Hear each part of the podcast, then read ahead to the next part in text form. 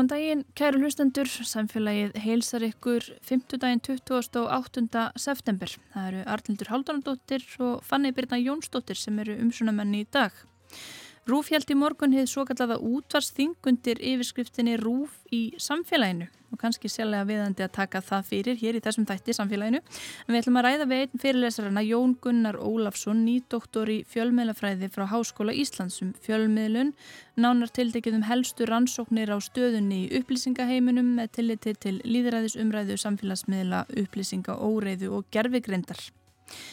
Í vikunni var svo gestur á ráðstöfnu um hinsegin málefni fyrir grófri líkamsáros í miðborg Reykjavíkur. Málið er ansakað sem hugsanlegur hatursglæpur. Við ræðum við Álf Birki Bjarnason formann samtakana 78 um þetta atvik og aukna anduð á hinsegin fólki í samfélaginu og hvernig hún byrtist. Og við ljúkus og þættunum á því að breða okkur á málstofu um eldra fólk og loftslagsmál á Norðurlöndunum en þar eru statir aðgerðasinnar úr hópi eldri borgara. En já, við byrjum á á Jóni Gunnari Ólafsinni.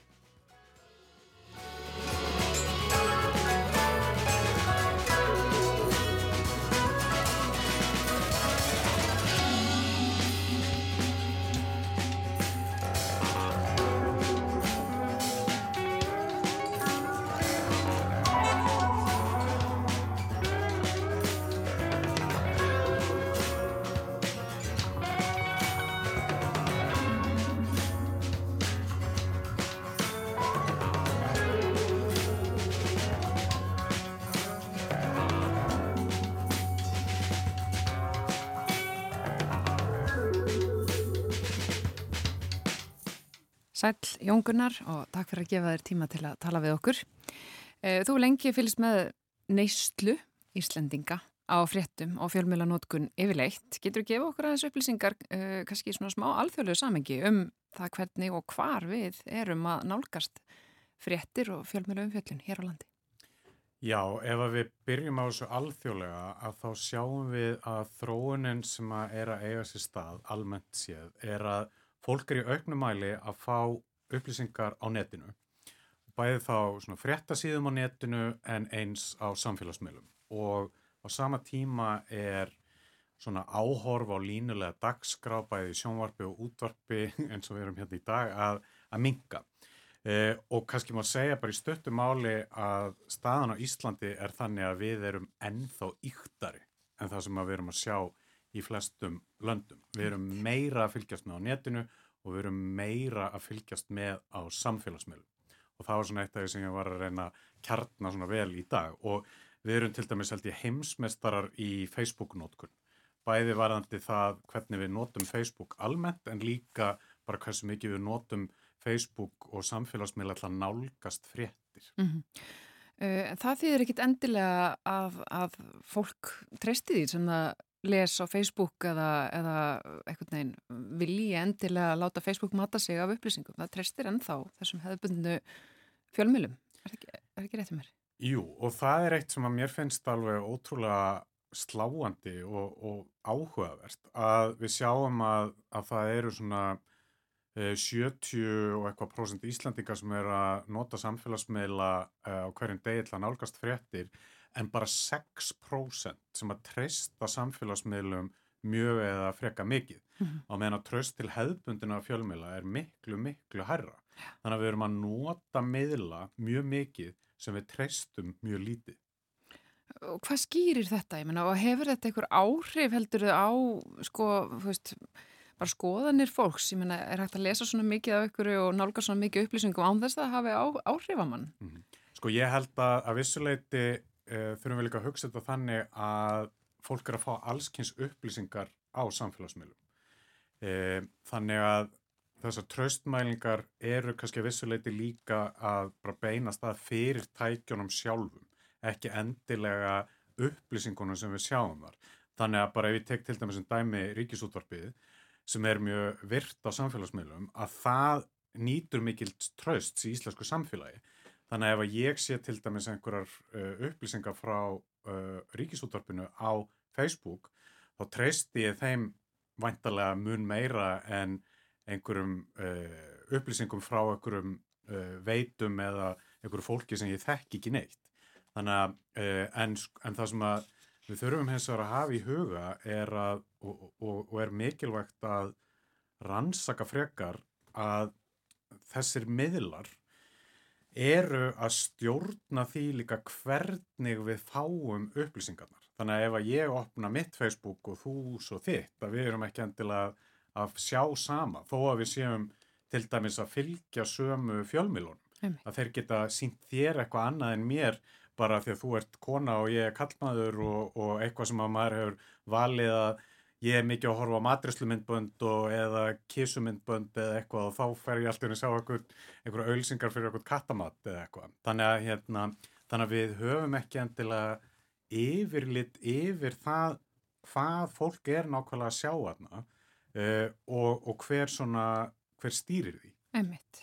Og sko öll viljum við kannski ekki, við viljum mæntalega síður lenda í þessum bergmálshellum, það er, það er ekkit ólega gaman þegar allir eru sammálaðir, ég meina hvernig getur við sportnað gegn þessu sem bara mm, samfélagstegnar, er, er, er eitthvað í frétta neyslunni eða samfélagsmiðla nótkurni hjá manni sem maður getur gert til þess að, að sportna þessu? Já sko, ég myndi segja í fyrsta lagi bara, ég er kannski pínu gamaldags með að við eh, sem að ég myndi líka bara segja að maður þarf að bara fara í hefðbundna fjölmila, maður þarf að sækja þá í gegnum bara þeirra vefsíður og, og fleira því að þá ertu sjálfur að geta valið efni sem að þú uh, skoðar. En svo held ég líka að við þurfum bara að vera mjög gaggrinninn á allt sem við sjáum mm -hmm. uh, og þurfum að passa okkur á því að vera ekki bara að skoða kannski efni sem að er á fjölmjölum sem að við erum 100% sammála og allt er svona samkvæmt bókinni heldur ég held að við höfum bara gott að því til að vera gaggrinnir svona, já gaggrind fólk í dag að, að bara skoða alls konar heimildir mm -hmm. af því að rannsóknin er bara að sína það að ef við förum fyrst og fremst alltaf að sjá upplýsingar uh, úr sömu miðlum með sömu skoðanir og við sjálf höfum að þá er líklæra að við e, föllum fyrir einhverjum raungum og misisandi upplýsingum sem eru þá á þeirri línu. Fyrir að sem að líkir einhverju leiti eftir efninu sem við erum að skoða og þeim skoðunum e, en er ekki sattur rétt. Þannig að ef við erum með fjölbreyttara fjölmela svona fjölbreyttari neyslu, skoðum alls konar ólika meila þá er líklega að við séum svona gaggrinir fjölmiðlaða neytendur. Einmitt. Rannsóknir þínar og ykkar uh, og alþjóðlega rannsóknir sína uh, niðurstöðu sem kannski kemur ekki mikið óvart að auðvitað er neysla síðan mjög mismunandi eftir aldurshópum mm -hmm. og svo sjáum við líka uh, stækandi hóp sem að í rauninni bara velur mhm. að, að fylgjast ekki með fréttum og, og, og einhver hluta vegna hefur bara uh, sniðgengur hann uh, svona bara með, með skipuluðum hætti. Hvernig blæsir þetta þér? Já, ég var með þess að skoða bara niðurstöður úr stóri alþjóðleiri rannsók þar sem að e, það var tekin, tekin fjöldi viðtala við svona típur sem er ekki mikið að fylgjast með og gegnum gangandi stef þarna var að fólk vill sjá svona uppbyggilegri fréttir. Það, við, það er orðið þreytt á neikvæðinni og finnst hún svolítið svona yfirþyrmandi. Hvíð, já. Já, já, algjörlega. Og eins finnst fólki hlutinni bara rosalega flóknir. Við búum í núna samfélagi þar sem er bara stanslust upplýsingaflæði allan daginn og fólk vil fá sko hlutin að setta í meira samhengi. Mm. Þannig að þetta eru svona þessi gegnumgangandi stef sem að fólk allavega segist vilja.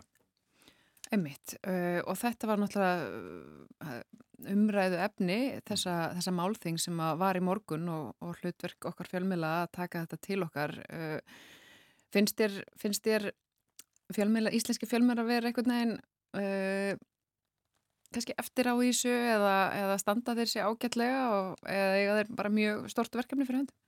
Sko ég menna við erum þetta pínlítið land, þetta er lítill fjölmjölamarkaður, það er mjög mikil frétta neistla hérna og fólk er mjög áhuga samt almennt og ég held bara að margt sé bara mjög vel gert hérna.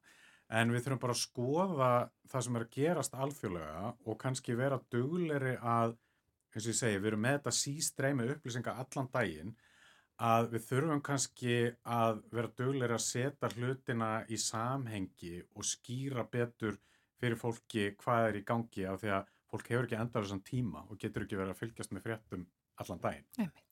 Jón Gunnar Ólusson, nýtt doktor frá Háskóla Íslands. Takk kærlega fyrir komin í samfélagi. Takk. Cause he gets up in the morning and he goes to work at nine and he comes back home at 5.30 gets the same train every time cause his world is built on punctuality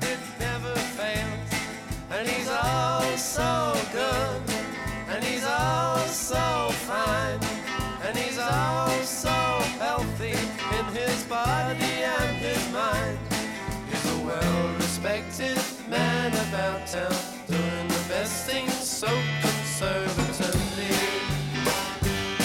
And his mother goes to meetings While his father pulls a maid And she stirs the tea with councillors While discussing foreign trade. And she passes looks as well as bills At every suave young man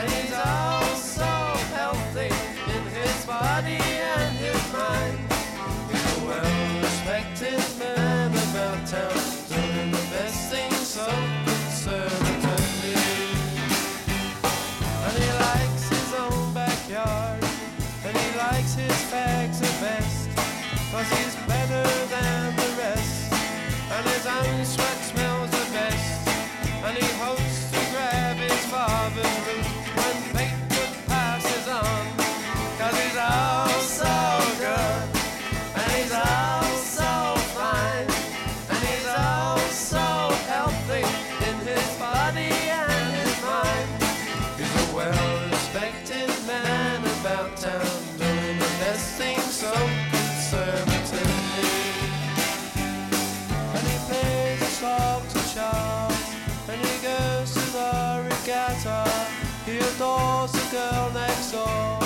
Cause he's dying to get at her. But his mother knows the best about The matrimonial stinks Cause he's all so good And he's all Þetta voru Kings og lagið A Well Respected Man. En það er mikið rætt um bakslag í umræðinum hinsegin fólk og ég rætti þau mál við Álf Birki Bjarnason, formann samtakana 78. Ég fekk það nú hinga í dag uh, út af þessum fréttum sem að bárust í gær að það hefur verið ráðist á þáttakanda á hinsegin ráðstefnu sem að þið stóðu að hérna í vikunni. Getur þú sagt mér bara frá þessu atveki? Já, við sem sagt um, skipulöðum stóra og, og flotta ráðstefnu hins einn fólks á Norðurlöndum hérna í samstarfi við fórsæðisráðunetið og uh, ráðhörnunemnd Norðurlandana um, og um hins einn málefni núna á mándag og þriðdag og á þriðdagskvöldi var svona lokadinnir, svona hérna hveði hóf. Og einu manneskja þarf að fara snemma heim og, og verður fyrir þessari árás stuttu frá hótelin sínu á, á hlemmi um, það virðist, ég menna virðist sem að það hafi bara verið þarna menn sem voru búin að sikta manneskjuna út og réðust á hana og auðvitað rannsaka, lögurlega rannsaka þetta sem hugsanlega hann hatur sklæp já, þetta, þetta lítur alveg ræðilega illa út. Já, það gerir það. Um, það er náttúrulega erfitt að segja en þarna er hins einn manneskja að taka þátt í hins einn ráðstefnu og hún er með svona regnbúa bandum hálsun um, og það er, það er erfitt að ímynda sér á þriðutaskvöldi sé bara einhver út á götu barinn af einhverjum ástæðum öðrum heldur en einhvers konar ásetningi. Uh, Hefur verið ákjært eða dæmt fyrir haturskleipi gegn hins eða fólki? Og mannstu eftir fleiri svona dæmum nýlegum dæmum? Sko, ég man eftir, eftir nokkrum atvikum þar sem að fólk hefur orðið fyrir óbeldi það var einmanniski sem var e, varð fyrir e, líkansóbeldi átjáminu á, á hins eindu bara núna í ár. En ég man ekki til þess að það hafi verið ákjert fyrir e, hattursklæp allavega ekki á þessu tægi á Íslandi því mjög og sko staðan þar talaði um bakslag og þið voru til dæmis með mjög mikla öryggiskerslu á þessari ráðstöfnu það komu þarna fulltrúar frá samtökum á öllum Norðlundunum uh, þannig þið réðu öryggisverði sem voru bara þarna þetta ekki í mótökunni og, og stóðu vaktina. Jú, það er bara nákvæmlega það sem við gerðum. Um, er það venjan eða er það nýtt? Það er glænýtt. Um, við hefðum ekki gert og, og gerðum ekki bara núna á hinsendugum í ágúst. Eða hinsendagar gerðu það ekki, ekki á hinsendugum í ágúst og samtökunum 78 hefði ekki dótt í að gera það þá. Um, en það einhvern veginn, staðan og uh, umræðan undarferði hefur, hefur verið þannig að við höfum fengið auknar hótanir og við höfum heyrt að umræðan er þannig að já, það var full ástæða til.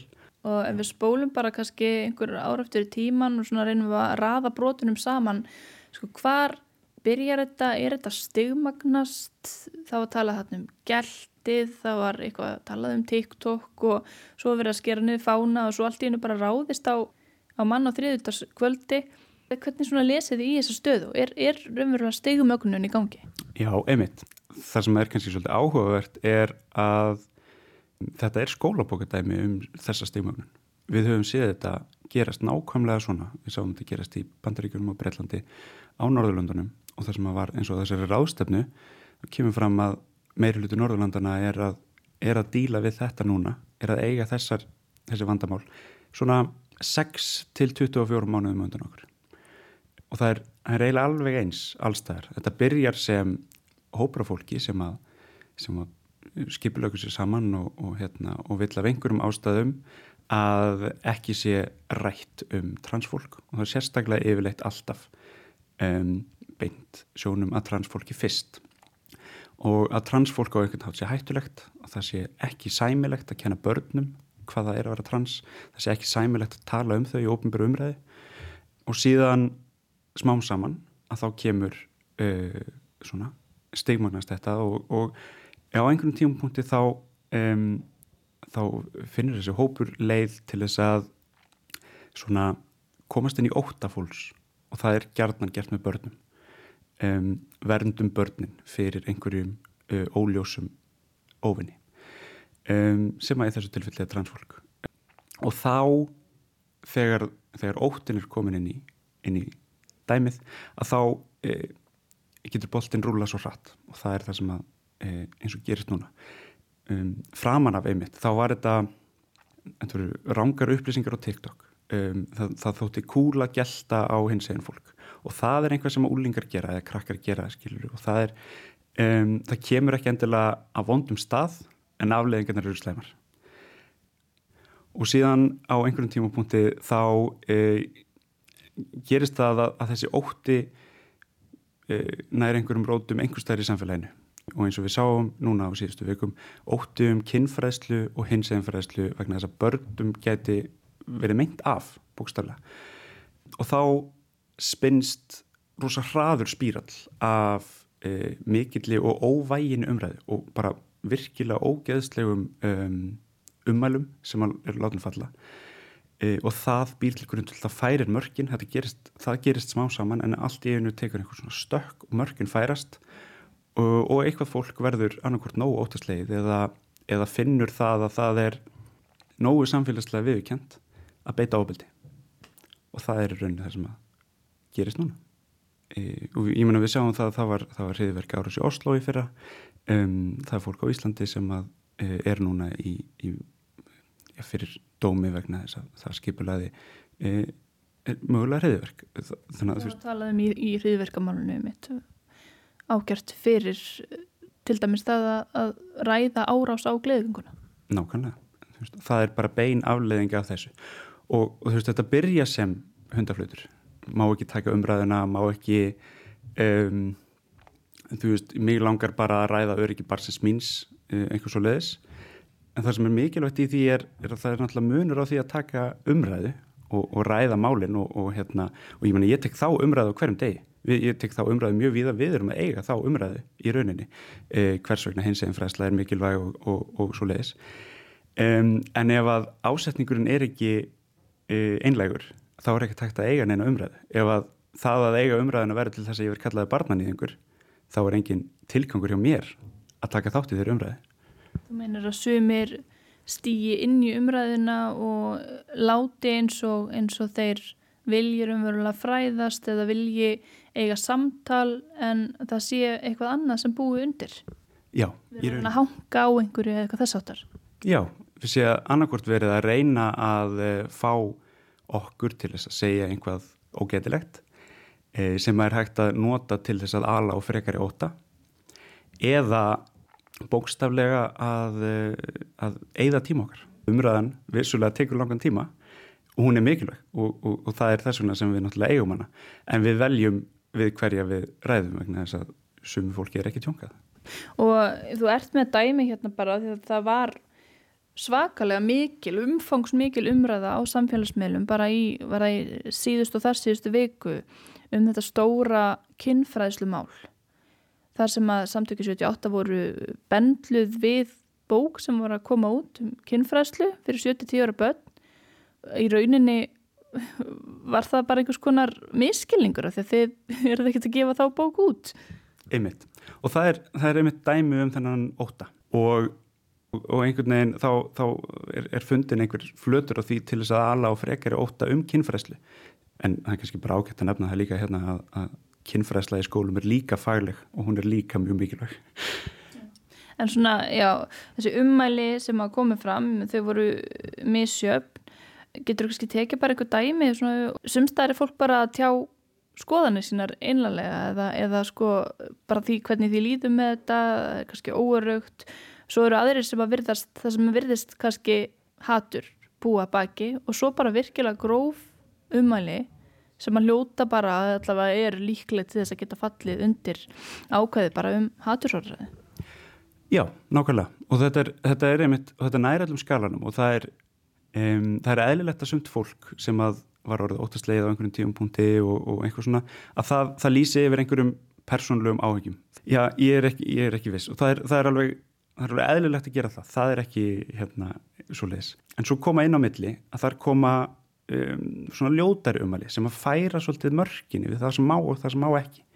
Um, það kemur svona eitthvað, já, ég er, ég er hættu við þetta vegna þess að og svo kemur eitthvað um, ég veit það ekki, um, um barnanýð eða eitthvað og það er bara, ég, nú ertu alveg að taka einhvað út úr samengi og hérna, og ég er þá, ég er til dæmis einmitt með hérna e, eitt, eitt komment sem að einmitt það er rauninni hættulegt að því leitinu til að það færi þessi mörg en það er ekki, það lýsir ekki beinu hatri endilega um, og ég fæ bara kannski að lesa það upp Það þarf að verja börn fyrir þessari hugmyndafræði og það þarf að verja svæði, öryggi og rétt kvenna á mörgum sviðum fyrir ágangi karla sem segjast vera konur. Og þetta er, þetta er ekki fallegt, en það, það lítur allt í lagi út.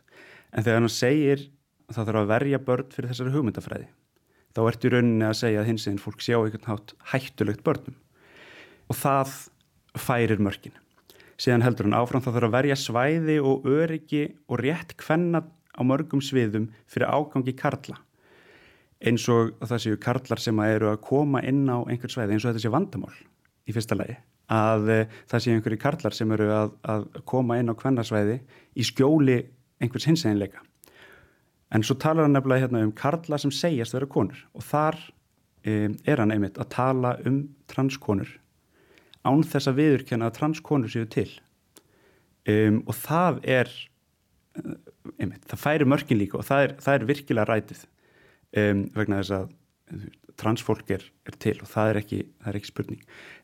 En, en þetta að vilja alls ekki viðurkenna það að fólk geti lifað í sinni kynvitund um, og, og verið trans uh, og það er uh, já, ofbeldi á sinn hátt og hér eru við með annað komment sem að ég bara treysti mér ekki til að lesa hérna upp vegna þess að um, ég veit að, að það er að borða lauruglu sem í rauninni hattus orðaræða.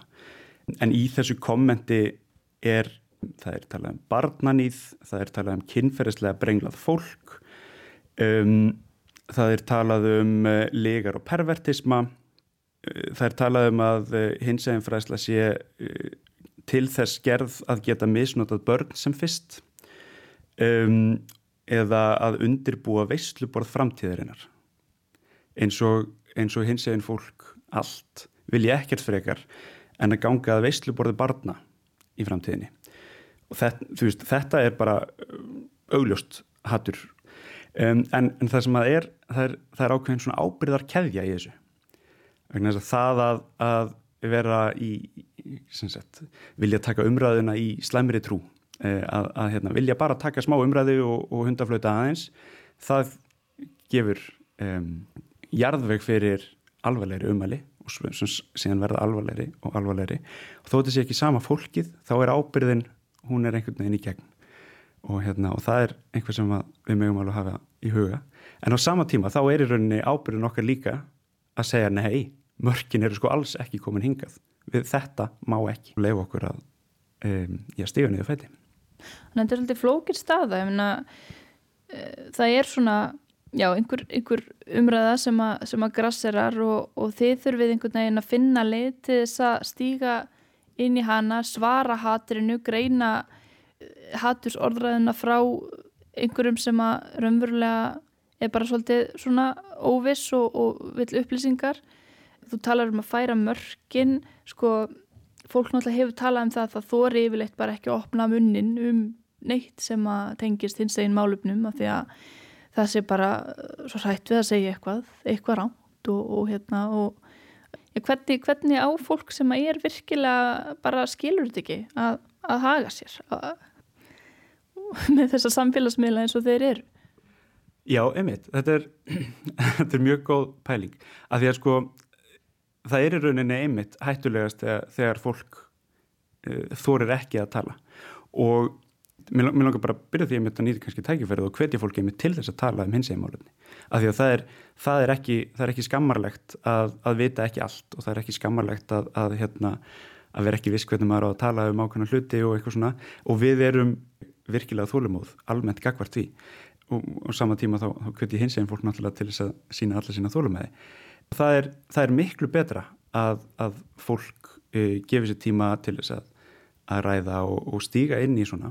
En það er líka mjög eðlilega, við, viðbröð þegar þú sjá einhvern svona átök í gangi sem þú ert ekki alveg vissum, þú, þú veist ekki alveg eitthvað. Og, og þá, þá líður eins og þú veitir ekki neitt. Og sért alveg út á túnni og það sé alveg ómögulegt. Og það sé, er alls ekki að taka þátt. Það er mjög eðli viðbröð en það er í rauninni eiginlega það mikilvægast fyrir okkur hins eginn fólk er að annað fólk komi og, og, og styðja okkur líka. Uh, og stundum er það bara svo einfalt eins og að segja sko uh, þú veist það, það er komment hérna um þú veist ég veit ekki um hérna barnaníð og, og samtökun 78 eða eitthvað og þá segir einhver bara einhver ámáti bæ sem að segir ég er nú ekki við sem að þetta sé svona eða þetta er virkilega ógæslegt að segja Þögnin er ekki, ekki svarið. Þögnin er alls ekki svarið. Og sama tíma þá er náttúrulega hveti fólk til að fræða sig. En, en ég held líka að, að flest fólk viti meira heldur en það eru að viðkynna fyrir. Veist, við vitum alveg hvenar við sjáum ofbeldi. Við vitum alveg öll hvenar við tökum eftir einhverju sem að er bara ekki lægi. Og það má alltaf bara segja það. Þó að þú vitir ekki hvert réttasvarið er. Þá getur þú sagt bara nei, svona segir maður ekki. Fólk svona já, tristi á sín innri síðferðislega áttavita í þessu málum og svona hlusti á, á sína innri rött í þessu. Já, nákvæmlega. Ég meina, við erum... Og ekki óttan, endilega. Nei, ymmit. Um, eh, og svo er náttúrulega hitt og það er að, að, að reyna að greina þegar hvenar við verðum fyrir um, ræðsla árari. Og aðeins aftur sko bara að þessari árás og, og lögröglunni og hátursklæpum það, þeir eru því samstarfi við ríkislauglustjórar það ekki og það tengist þessu bakslægi og aukun, aukunum algengi svona haturs fullra ummæla Jú, það gerir það. Í rauninni þá leitaði ríkislauglustjóri til okkar vegna þess að hann sá einmitt að þetta væri, það, það væri ákveðin aukning þarna á uh, og, og hann vildi að þeirra starfsfólk fengi fræðslu um þetta til þess að þau getur tekist á við um, þessi málefni að bara bæða virðingu og þekkingu. Og það hefur reynst mjög vel. Og, og svona í kjölfarið þá, þá skilju við betur hvað lauruglan er að gera og þau skilja betur hvers vegna okkur finnst mikilvægt að þau stýðin hér eða hér. Þið byrju tröst til hennar eða hvað? Já, við höfum ekki allavega síðan um, við tókum þennan samning þá höfum við ekki haft ástæðu til þess að gera það ekki um, en við finnum líka að það er einlegur vilji innan laurugluna til þess að, til þess að læra og gera betur En á þessari ráðstöfni þá rættu þið um bakslægið og bakslægið eins og það byrtist uh, annar staðar á, á Norrlöndunum Uh, hvaða leiðir hafa samtök hins eginn fólks þar farið? Ekki það að þessi engungu ábyrð þeirra að það er inn að brjóta þetta bakslag og baka aftur en, en hvernig hafa þau brúðist við þessum nýja veruleika? Þau hafa náttúrulega farið jætt mismunandi leiðir og, og þau eru mörg. Það sem að var svolítið gegnum gangkendar ástöfninu var að um, þau voru allstaðar að vinna að nánu samstarfi við kvenréttindarhefingarnar. Þau voru að vinna að því að fá, finna, fá tengilið innan, innan feminismans og hérna Hefur verið einhver gjáð þar á milli? Já, og það er sem sagt, það sem að veriðist jættvel sko vera svona alvarlegasta gjáin vegna þess að þetta er allt mannrættindi þetta er allt mannrættinda bara átt að gegn sama kerfinu í rauninni. Og þetta fyrir að vera kona? Hvað er að vera kona, þessar hugmyndir? Nákvæmlega, og það er og það sem að hefur gefið þessu andtrans eh, baráttu eh, vægi hefur gerðan verið þeim þetta að þú veist, ég er svo mikil feminist þegar ég vil ekki transkonur. En á Íslandi þá höfum við nefnilega átt svo gott samstarf við kvenréttindabaratuna í rauninni í gegnum tíðina. Veist, það er bara til dæmis slagur sem við erum að einhverju leiti búin að vinna e, og, og það, það auðveldar þetta mjög mikið. Það sem að virkar best eru jákvæðar fyrirmyndir og það er í rauninni það sem að svona, e, það sem er hægt að gera. Það eru, það eru réttar upplýsingar það er, það er að halda áfram að veita hins eða fræslu vegna þess að veist, við viljum allavega ekki að, að næstu kynsluður haldi áfram í sömu ránkjómyndum og síðan að vera með sínlegt hins eða fólk sem að tekur þátt í samfélaginu.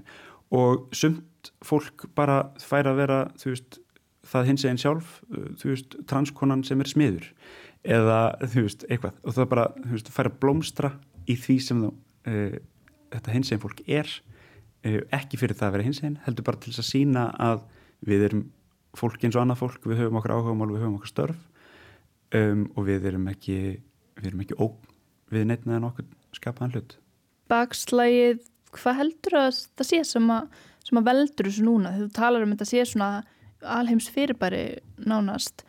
Já, þegar stort er spurt. Það hérna um þetta er náttúrulega, þetta er í rauninni mjög flókin heimur sem við búum í.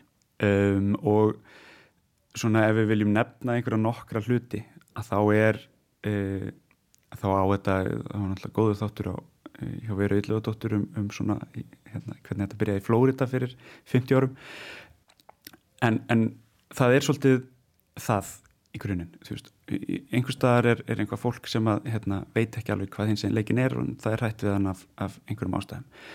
Um, og þegar til dæmis efnaðars ástandið er verður slemt í ákveðinu ríkjum eða, eða einhverjir einhverjur svona innanlands um, átök verða til út af einhverjum svo leiðis, pólitísk átök gerðan þá er rosalega gott að finna bara blórabökul og beina bara sjónum fólks á einhver allt, allt annað. Um, og transfólk er bara virkilega gott skotmark í það því miður. Um, þannig að það er svolítið svona myndi ég segja upphafið.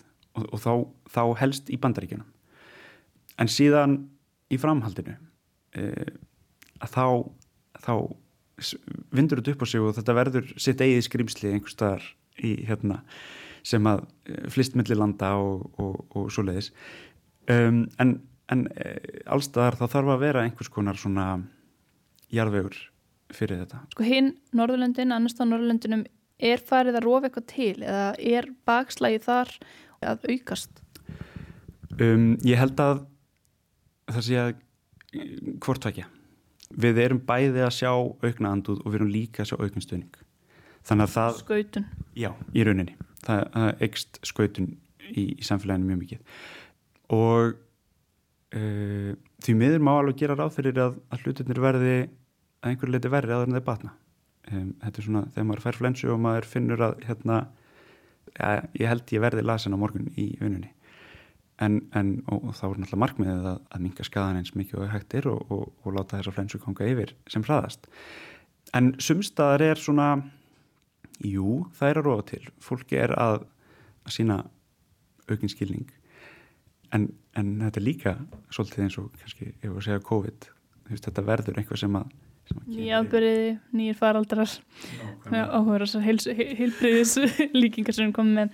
Eh, Loka spurningin Álfur er hins eginn fólk rætt við að ganga um götur Reykjavíkuborgar í dag, er, er við þar? Ég veit það ekki alveg. En ég held að ég, ég held að það sé ekki óeðlilegt að, að fólk hugsin um það. Mm, og það er, það er bara mjög eðli viðbröð þegar maður heyrir svona.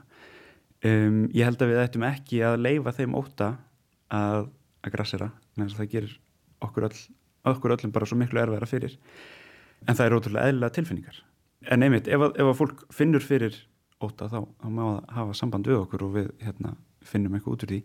En það er mikilvægt að við höldum áfram að vera sínileg og við höldum áfram að vera við og við höldum áfram að sína að samfélagið okkar og samfélagið sem við viljum búa í það líði ekki svona.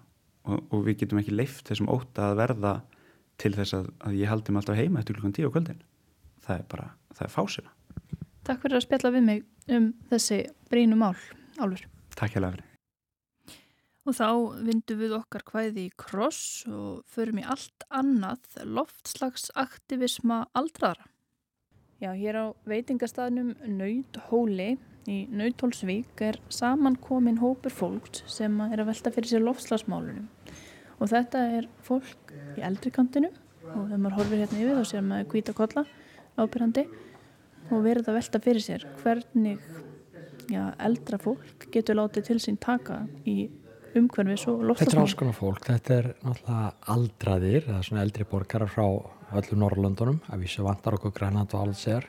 Og þetta er fólk með alls konar bakgrunn, þetta eru vísindamenn, þetta, til dæmis einn hérna kona er, er þing, var þingmaður, hún var semst á, á norska þinginu fyrir hægraflokkin, svo var þetta búin að skipta í græninga eitthvað tíman á leiðinni og hún er búin að vera semst í pólitík mjög lengi og er nýla hægt í því og er þannig áttræð og er að koma að hinga til að berjast fyrir þessum málstað og hitta aðra.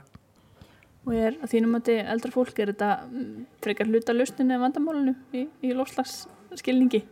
Náttúrulega bæði sko því að við getum sagt að þessi kynslu er, er kynslu sem bjó vandamáli til.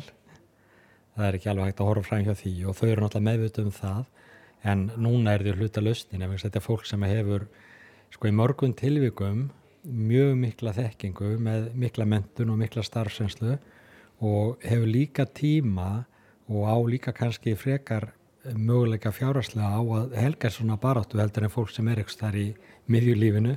Það eru mjög mikil tækjafæri í þessu fólki sko. Þannig að þau geta verið mjög mikilvægur hluta lausninni. Let me give you a brief summary of climate work in Sweden today. Since last autumn we have a new right-wing government and they are totally dependent on a climate denying party, Sweden Democrats. Maybe you've heard of them. Já, ég heiti Danfríð Skarpinsdóttir og eh, var í umhverfisáðanettinu og við erum á fymta hverja ári er Ísland í formensku norrannu samstarfi og þá búum við til sérstakka formensku áallun þar sem að koma fram okkar áherslur og það kom upp þessi hugmynd að kanna, það hefur verið mikið fjallað um umt fólk og umhverfismálað undanförnu og mjög mikilvægt að þau fá að hafa sinn völl og hérna láta í sér heyra. En svo er það hinn endin á hérna kynnslóðunum og við svona fórum að velta fyrir okkur hvort það væri einhver starfsemi eða reyfingar á hinnum Norrlöndunum og datt þessin í huga að kanna þetta því að þetta er hópur það sem er mikil þekking saman komin, mikil kraftur í hérna þessari svo kalluðu eldri kynnslóð og síðan auðvita mikil þekking og reynsla og áhugi fyrir því að bæta lífskeilir framtíðar kynnslóða. Og það eru svo að maður vissi ekki dagöldum þessum samtökum sem eru starfandi á Norðurlöndunum, Gretas gamlingar og, og hérna þessi ömmur og afar fyrir lofslæði í, í Danmörk og fleiri samtök. Já, það var einmitt það sem við vissum ekki hversu formlegt þetta var og það bara væga sagt að þá var þessari hugmynd strax mjög vel tekið til dæmis í hérna hópi Norrannu umhverfisráðurna þegar þetta var kynnt á sínum tíma.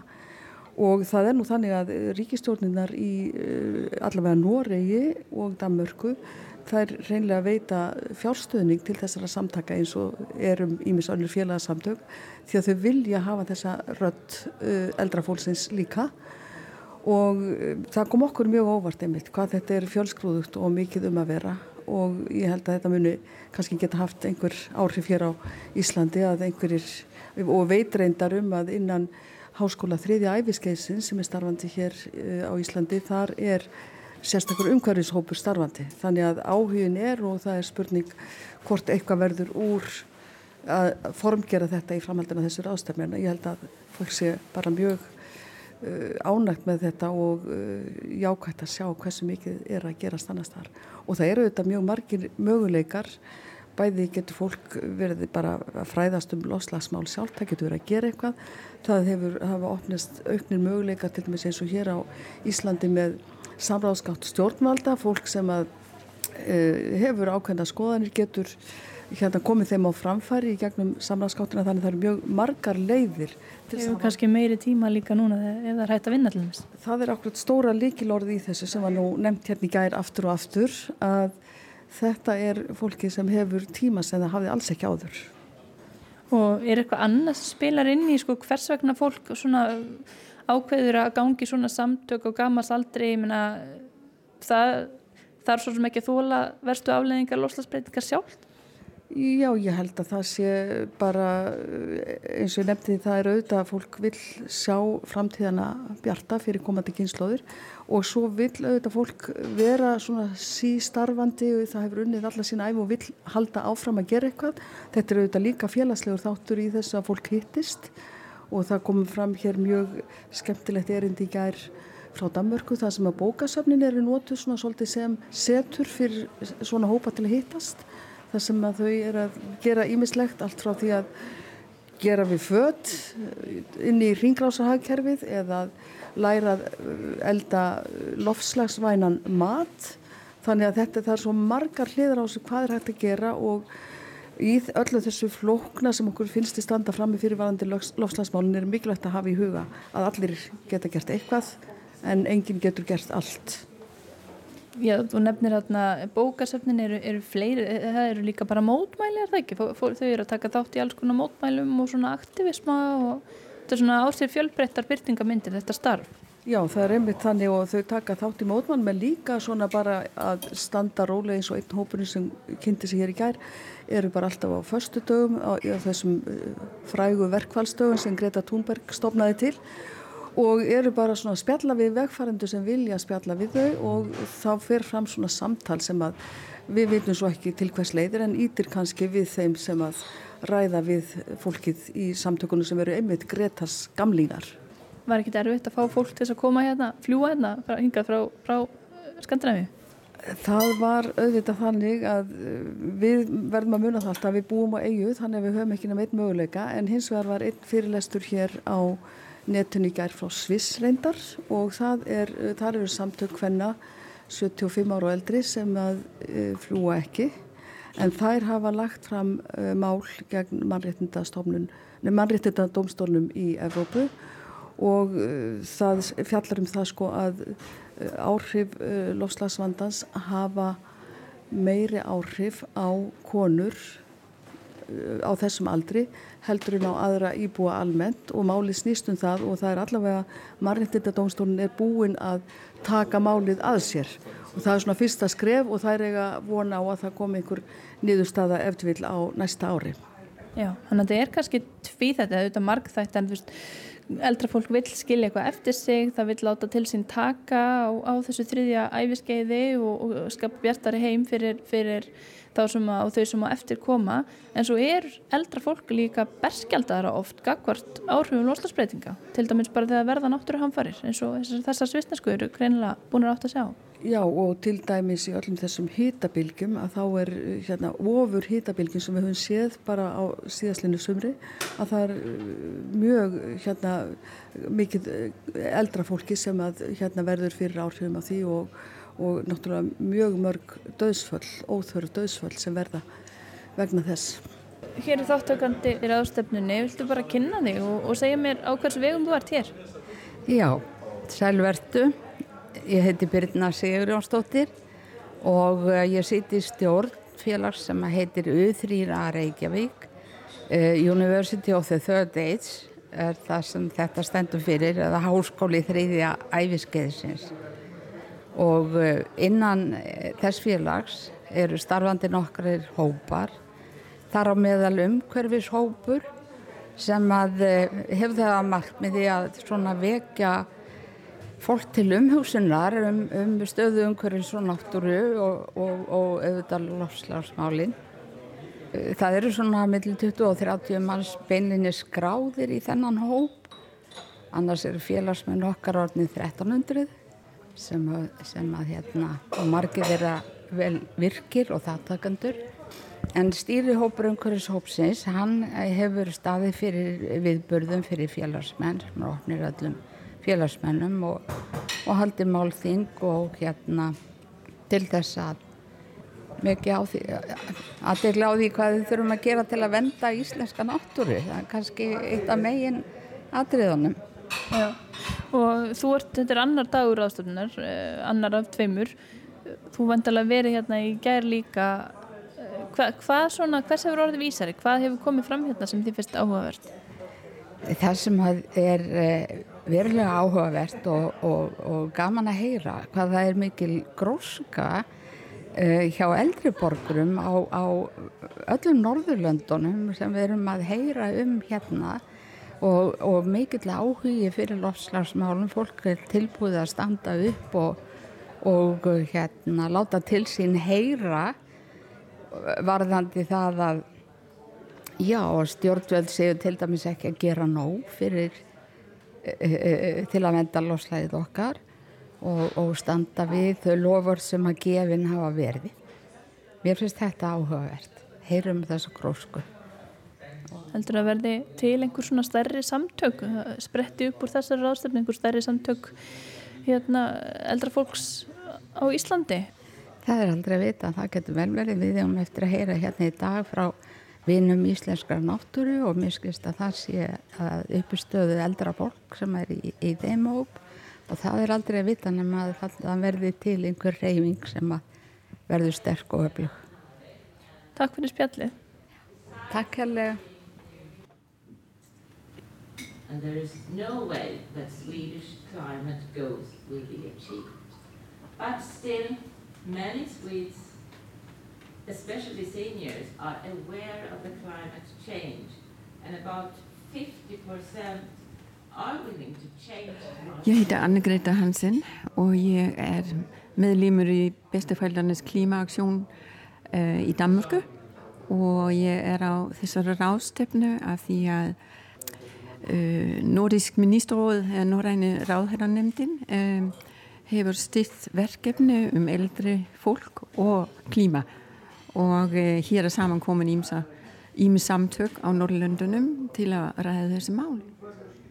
Og hvað gerir þið í uh, bestu fóreldrarnas klímaaksjón? Við erum í Danmarku, þá er þetta það er aktivist um, hvað heitir það á íslensku? Um, aðgerðasinnar, mótmæli eða? Einmitt aðgerðasinna, já við erum aðgerðasinna og eh, með flatan struktúr í félaginu, þannig að þetta er ekki félag eins það er til dæmis í Nóriði Eh, en þetta er reyfing og eh, það eru nýju deldir í Danmarku og hver deld eða hópur er frekar sjálfstæður. En svo er líka landsamtök uh, þar sem við hýttumst eins og árið og ræða málinn um, við erum að fást við sem sagt uh, við, við tökum þátt í uh, að upplýsa um, um loftlagsmálunum og krísan sem er núna og, og benda á möguleika á úræði. Uh, við þurfum öll að taka þátt í því að snúa þróunina við, bæði uh, einstaklega borgarannir og, um, og stjórnmöld og sérstaklega stjórnmöld. Í Danmark er það þannig að nýlega, uh, um, nýlega um, könnun hefur sínt að Danir er mjög miklu tilbúinir að að, og stiðja mikið við að eftir, eitthvað veri gert í loflasmálunum og sérstaklega að stjórnvöld gera eitthvað en e, það gengur hægt og mér skilst að það gangur hægt á öllum norðlöndunum. Þannig að almenningur er miklu meira tilbúin heldur en pólitíkusöldnir? Nákvæmlega, nákvæmlega, allavega í Danmörku. Hins vegar taliði um fólk frá Íslandi í gær sem sögðu mér að það var ekki alveg svo leiðis kannski á Íslandi. Það gæti verið færri uh, á milli almennings sem, sem hefðu áhuga á að kynna sér málunum eða að gera eitthvað í málunum sérstaklega. það er allavega engin svona samtök starfandi hér að því ég best veit engar ömmur og afar fyrir loftslægið á Íslandi. Nei, það reyndar þarf ekki endilega að vera ömmur og afar. Sum samtök sem eru hér eru ekki endilega ömmur og afar samtök en það eru eldar fólk í ymsum samtökum, líka náttúruvendarsamtökum, uh, samtök aldraðra uh, af ymsu tægi sem eru fann að snúa sig á málefnum loftlagsmálum sérstaklega. Þannig að það er náttúrulega líka þess vegna þessar ástöfna haldina til að upplýsa um hvað er í gangi og þá getur þau lögn sem hafa ekki eins mikið kannski uh, haft eins mikið uh, með þetta að gera en þá með eldra fólk. Það getur svona kannski fengið hugmundir og við erum hér til að skiptast á hugmundum og, og skoðanir. Og hvað er það sko sem dregur þig að þessum málaflokki?